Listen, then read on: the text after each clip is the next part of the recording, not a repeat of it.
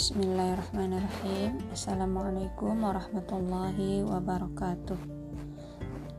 Wa an Abi Sa'id Al-Khudri radhiyallahu anhu qala Qala Rasulullah sallallahu alaihi wasallam Ma min abdin yasumu yawman fi sabilillahi illa ba'adallahu bidzalikal yawm wajhahu 'anil nari sab'ina kharifa muttafaqun alaih.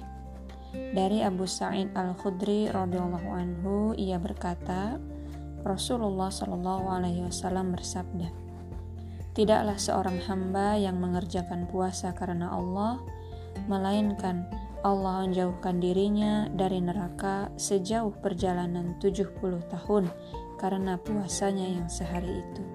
Hadis riwayat Bukhari dan Muslim. Wassalamualaikum warahmatullahi wabarakatuh.